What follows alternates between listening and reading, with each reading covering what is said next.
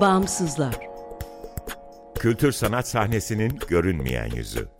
Hazırlayan ve sunanlar Ekmel Ertan, Günseli Baki, Sarp Keskiner, Zeynep Okyay ve Ezgi Bakçay.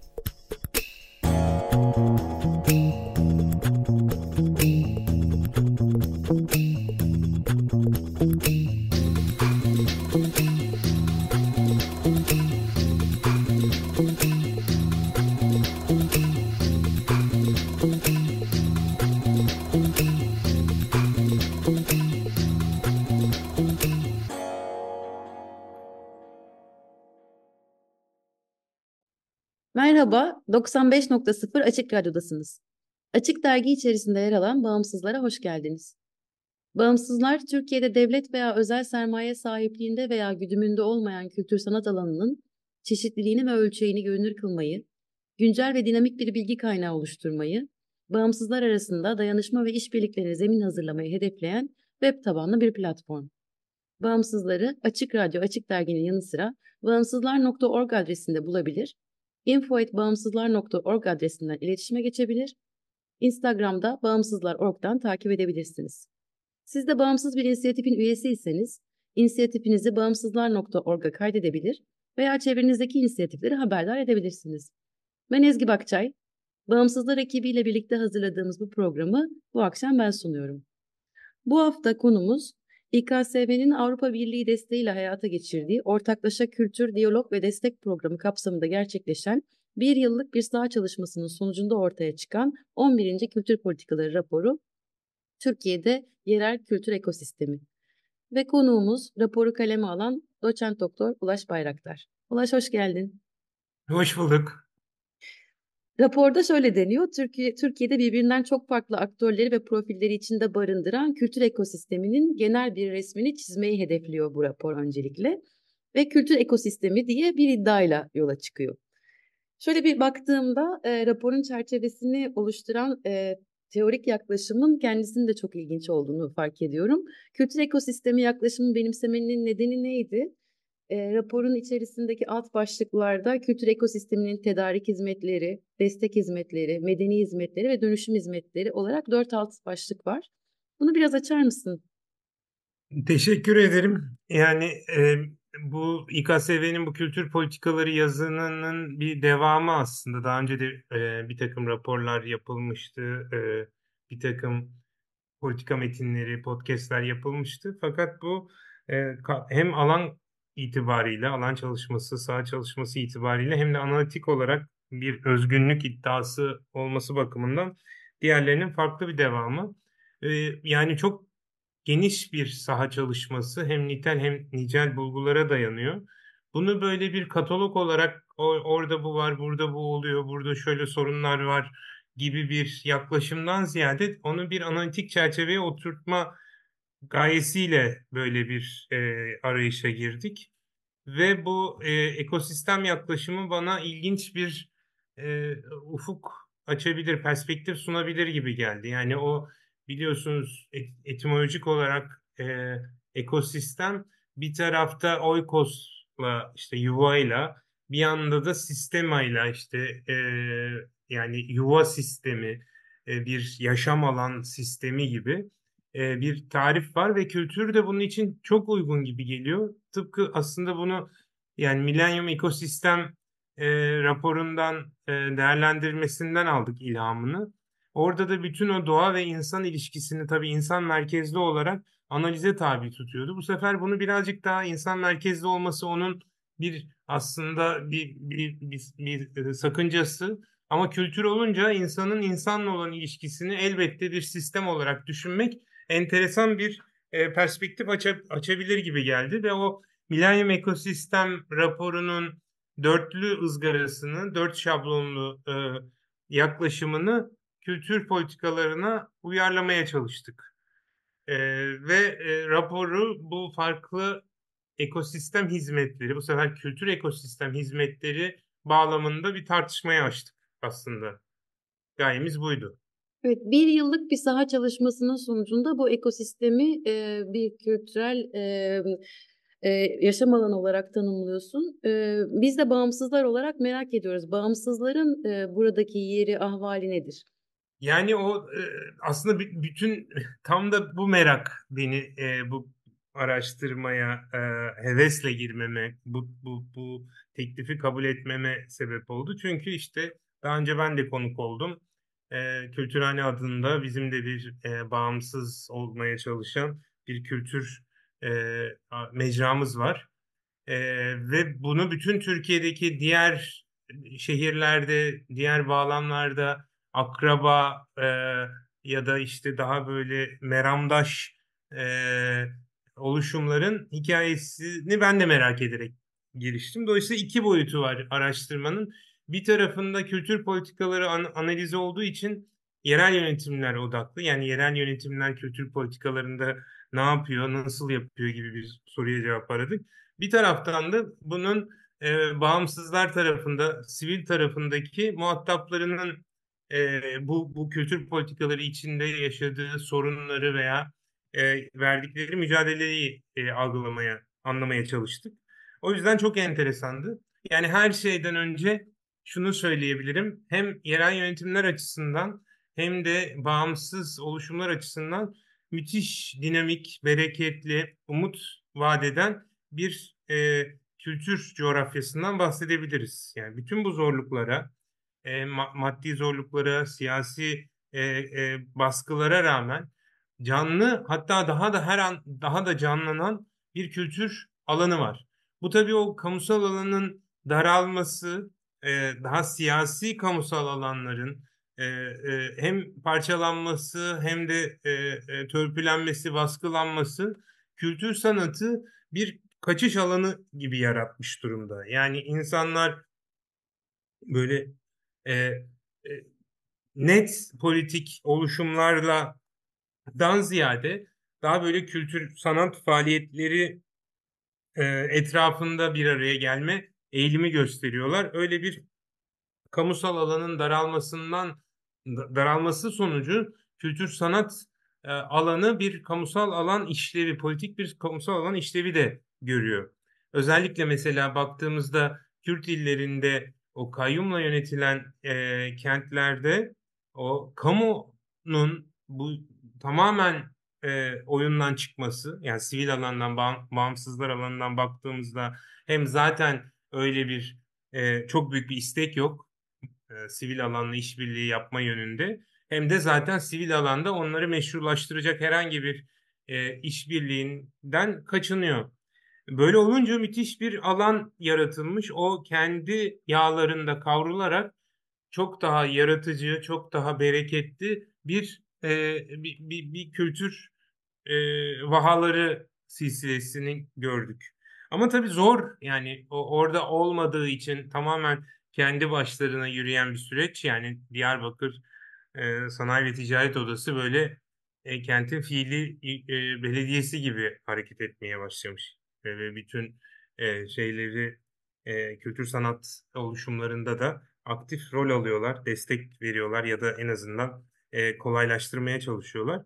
Ama diğer alanlarda en büyük sorun bir e, asimetri sorunu. Hani bağlantısız ve bağımsız olması e, bir takım daha ihtiyaç duyduğumuz mali kaynakları ellerinde tutan odaklara karşı bizi daha kırılgan ve daha edilgen kılabiliyor. Yani kamuyla, e, yerel yönetimlerle başka, özel sektörle başka hibe kuruluşlarıyla farklı e, zorluklar yaşandığını görüyoruz. Aslında bu asimetrileri bağımsızların bakış açısından e, tek tek değerlendirmekte fayda görüyorum ben. Yerel yönetimlerle nasıl gelişiyor, bağımsızların ilişkisi, özel sektörle nasıl ve devletle nasıl? Yani yerel yönetimlerle ilk başta her ne kadar kamusal alan yani kamusal bir kaynağı, kamusal meşruiyeti kullanarak kamusal e, bir destek vermelerini varsaysak bile bütün ilişki kişisel olarak yürütülüyor. Yani yerel yönetimlerin genel başkan odaklı işleyişi sizin oradan alacağınız desteği, yapacağınız işbirliğini de kişisel bağlantılarınıza bağımlı kılıyor. Yani başkanı tanımak, başkanın yakın çevresine e, ulaşmak veya işte bak başkanın ait olduğu siyasal e, partinin e, kanallarını kullanmak gibi olay kişiselleşiyor. Ve bu kişiselleşmesi e, bağımsızları da bu kişisel bağlantı arayışına veya onlara başvurma zorunluluğunu tutuyor. Birinci asimetri bu zaten. Yani biz eğer kamusal kaynağın yöneticisine kişisel olarak ulaşabiliyorsak e, bir şansımız var. Ama orayı da geçtik. Yani böyle bir bağlantı kurduktan sonra da bu e, desteği aldıktan sonra da sorun tam olarak çözülmüyor. Çünkü o yerel yönetimle yapılan işbirliği, daha doğrusu kamu kaynağıyla yapılan işbirliğinde e, sivil alan yine bir asimetriden muzdarip. Bu sefer işte e, programın akışı, oradaki e, protokol e, gereklilikleri, görünürlük e, malzemeleri, onun kamuoyuna nasıl lanse edildiği yani gerçekten de bir sergi, bir festival açılışında konuşma yapan belediye başkanının politik mesajları e, ya da işte o kendi kişisel gündemine dair demeçleri o kültür sanat etkinliğinin önüne geçebiliyor. Orada yaptığı konuşmada e, verdiği siyasi cevap o tamamen e, oradaki kültür sanat etkinliği öyle bir background'da bir vesile haline geliyor. E, ve işte belediye başkanı odaklı bir bir e, her zaman başrolü oynuyor diyelim. Dolayısıyla hem e, o e, desteği almakta bir e, asimetri var hem de desteği aldıktan sonra bunun cereyanında bir asimetri var. Bu kamusal alan. Özel alana baktığımızda yine bir takım kişisel bağlantıların ötesinde bu sefer başka bir riskle karşı karşıya kalıyoruz. Ee, sizin etkinliğiniz ve profiliniz o özel sektörün e, aklanmasına araçsal ak, aklanması için araçsallaştırılabiliyor. Yani hem sosyal aklanma olarak kendini daha kamusal, daha demokratik, kolektif gösterebiliyor ya da işte özünde işte yeşil aklama dediğimiz daha ekolojik, çevreci, insan ve doğanın iyiliğini düşünen bir e, profil çizebiliyor. Son olarak çok uzatıyorum kusura bakmayın. E, son olarak da e, bu sefer ne ne kalıyor elimizde? E, işte e, bir takım hibeler, projeler, e, yurt dışı fonları kalıyor. Bunlar gerçekten büyük bir e, hepimize nefes alanı yaratmakla birlikte bunlar kısa süreli yani en fazla işte iki sene, üç senelik bir süreleri var. Dolayısıyla vadesi az, uzun vadeli böyle daha e, bir politika evrilebilecek perspektif imkan sunamıyorlar. İkincisi bunların da işte bir takım belediyelerdeki bir performatif çıktılar istiyorlar. Hani kaç etkinlik yapıldı, kaç seyirci geldi, ne kadar para kazanıldı, ne kadar şey yapıldı gibi. Yine o e, şeye düşmüş oluyoruz. Ve uzun vadeli, daha böyle bir tarımsal faaliyet gibi gördüğümüz e, uzun e, erimli etkiler yaratma şansından mahrum kalabiliyoruz. E, dolayısıyla bütün bu hem kamuda hem özelde hem de işte bir takım fon kuruluşlarında bağımsızların bu asimetrik e, bir takım e, ne diyelim e, sıkıntıları var diye gözlemliyoruz, gözlemledim yani. E, raporun çalışması süresince e, otosansür ve sansür konusuna dair ne tür bulgulara eriştiniz? Yani bu destek işte biz o onu anlatmadık fazla da bu e, Millennium Ekosistem e, Millennium Ekosistem değerlendirmesinin e, kategorilerini biraz değiştirerek kullandık. İşte tedarik hizmetleri, destek hizmetleri, medeni hizmetler ve dönüştürücü hizmetler gibi. Biraz önce konuştuğumuz destek hizmetleri bağlamında ele alırken en önemli desteğin aslında gölge engel olmamak olduğunu e, e, vurgulayarak giriş yapıyoruz. Yani aslında bağımsızlar yine bütün bu sorunlara rağmen e, faaliyetlerini gerçekleştirebilecek öz kaynak veya işte kendi kolektif e, dayanışma imkanları bulabiliyorlar. Ama o e, baskılanan e, siyasi ortam sizin yapmak istediğinizi hem düşünce hem e, eylem hem de sanatsal üretimlerinizde engel oluyor. Yani bunun en yakın tanıdıkları, tanıklarından biri sizsiniz. Yani bu Fesane sergisinde yaşadıklarımız oraya yönelik e, saldırı, taciz ve e, kavuşturmalar, soruşturmalar bunun en önemli engeli aslında en büyük sorunlardan biri. Yani o sansür ve buna bağlı olarak bu işte mecbur kalınan ilişkiyi sürdürmek için e, katlanılan bir takım otosansürler bu alanın en önemli e, sorunlarından biri gerçekten de. E, bağımsızların derdi e, başından aşmış malum e, başını bağlamaya çalışanlar da çok. E, ama diğer taraftan da kültür ekosisteminin dönüştürücü hizmetleri bölümünde hem bireysel dönüşüm için kültür hem de afet dönemlerinde kültür sanatla dönüşüm başlıklarında bağımsızların çok etkin bir rolü olduğunu görüyoruz. Biraz bu konuyu açmak ister misin? Evet o ne yazık ki öyle bir aslında bu projeyi kurgularken böyle bir e, odak böyle bir e, boyut hiç düşünmemiştik. Ama tabii ki hemen işte e, Maraş depremlerinin hemen e, ertesinde olduğu için e, alan çalışmasını e, depremden etkilenen illeri de e, kattık. Normalde 7 kentte yapılacaktı. 12 ilde gözlemler yaptık ve orada kültür sanat alanının hem aktörlerinin hem de mekanlarının ne kadar kritik bir rol oynayabileceğini gördük. Bir, en basitinden kültür mekanları bir sığınak ve e, afetin ilk yaralarına sarıcı e, e, alanlar olarak işlev görmüşler. Yani genelde kültür merkezleri kentlerin hepsinde hem daha alçak katlı hem içinde işte e, duşu, tuvaleti, mutfağı, e, kitleleri alabilecek genişlikte salonları olduğu için e, hem alçak katlı oldukları için e, böyle bir işlev görmüşler. Ama bu büyük kültür merkezlerinin haricinde küçük işte e, bütün o Diyarbakır'daki e, edebiyat evinden Ma Müziğe kadar hepsi bir şey işlevi görmüş. Antep'te Kırk Ayak'ta Nar Sanat da öyle. Mersin'de Kültürel biz böyle işlevler gördük. Adana'da Geko keza. Ee, işte e, karşı sanatın da böyle bir e, şey işlev gördüğünü biliyorum. Hani yardımların örgütlendiği, gönüllülerin e, e, orada sevk edildiği bir yer. Dolayısıyla mekan olarak tamamen üç boyutlu bir alan olarak çok önemli bir işlev görmüş durumdalar. İkincisi bir topluluk yaratma potansiyeline sahip olduğu için kültür etkinlikleri o topluluklarda e, kamu yönetiminin ve sivil toplum, büyük sivil toplum örgütlerinin bürokratik katılığından azade oldukları için çok hızlı harekete geçtiler. Hemen örgütlenip e, hem üyelerini hem de kaynaklarını, potansiyellerini e, depremin ihtiyaçlarına uyarlayabildiler. Dolayısıyla bir mekan ve topluluk bağlamında çok önemli roller oynadı. E bunlar e, kültür sanat neticede izleyicisi, hayranı olan bir şey. Onların mobilizasyonu sadece topluluk olarak değil, o izleyicilerle, e, katılımcılarla bir şey yarattı. Yani bir sanatçının yaptığı çağrı daha başka etkili oldu. Yani raporda da vurguluyoruz. Bu, bu alanda en öne çıkan hem e, ihtiyaç haritasının hem de Ahbap'ın merkezinde bu tür kültür sanat alanının profesyonel, popüler isimleri olduğunu hatırlamak lazım ama illa oralara gitmesine gerek yok. Küçük işte e, amatör müzik toplulukları da hemen örgütlenip e, e, müdahale edebildiler. E, sanatçılar kendileri e, kaynak yarattılar. İşte omuzda, işte e, sanatla dayanışma da böyle birçok farklı biçimde e, kaynak yaratıp e, yaraları sarmaya kalkıştılar.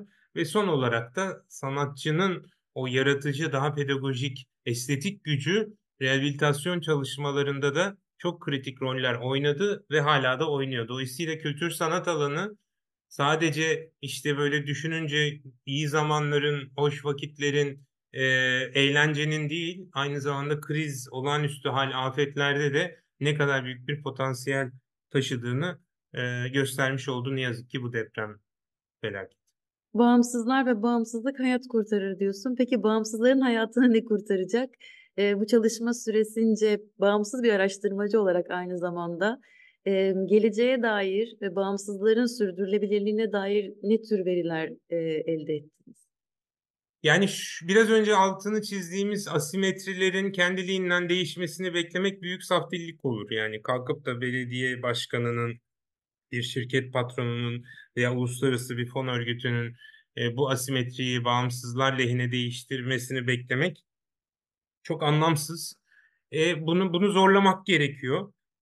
Bu da tekil kah kahramanlık hikayelerinden öteye e, geçmesi e, lazım sanırım. O da e, bağla, ba, bağımsızların da kendi aralarında daha büyük bağımsız örgütlenmeleri, e, e, e, kolektif platformlara e, erişmesiyle mümkün olabilir. Yani biz bunu zorlayacak bu değişimi bu eşitliği, bu özgürlüğü, bu kamusal kaynakların daha adil ve demokratik olarak kullanılmasını zorlayacak bir baskı grubu e, ağırlığını kazanmamız lazım. Bu da hani oralara laf yetiştirmek, buralardan bir e, talebe olmaktan çıkıp bunun e, e bunu sağlayacak örgütlenmelerin faili olmamızdan geçtiğini düşünüyorum.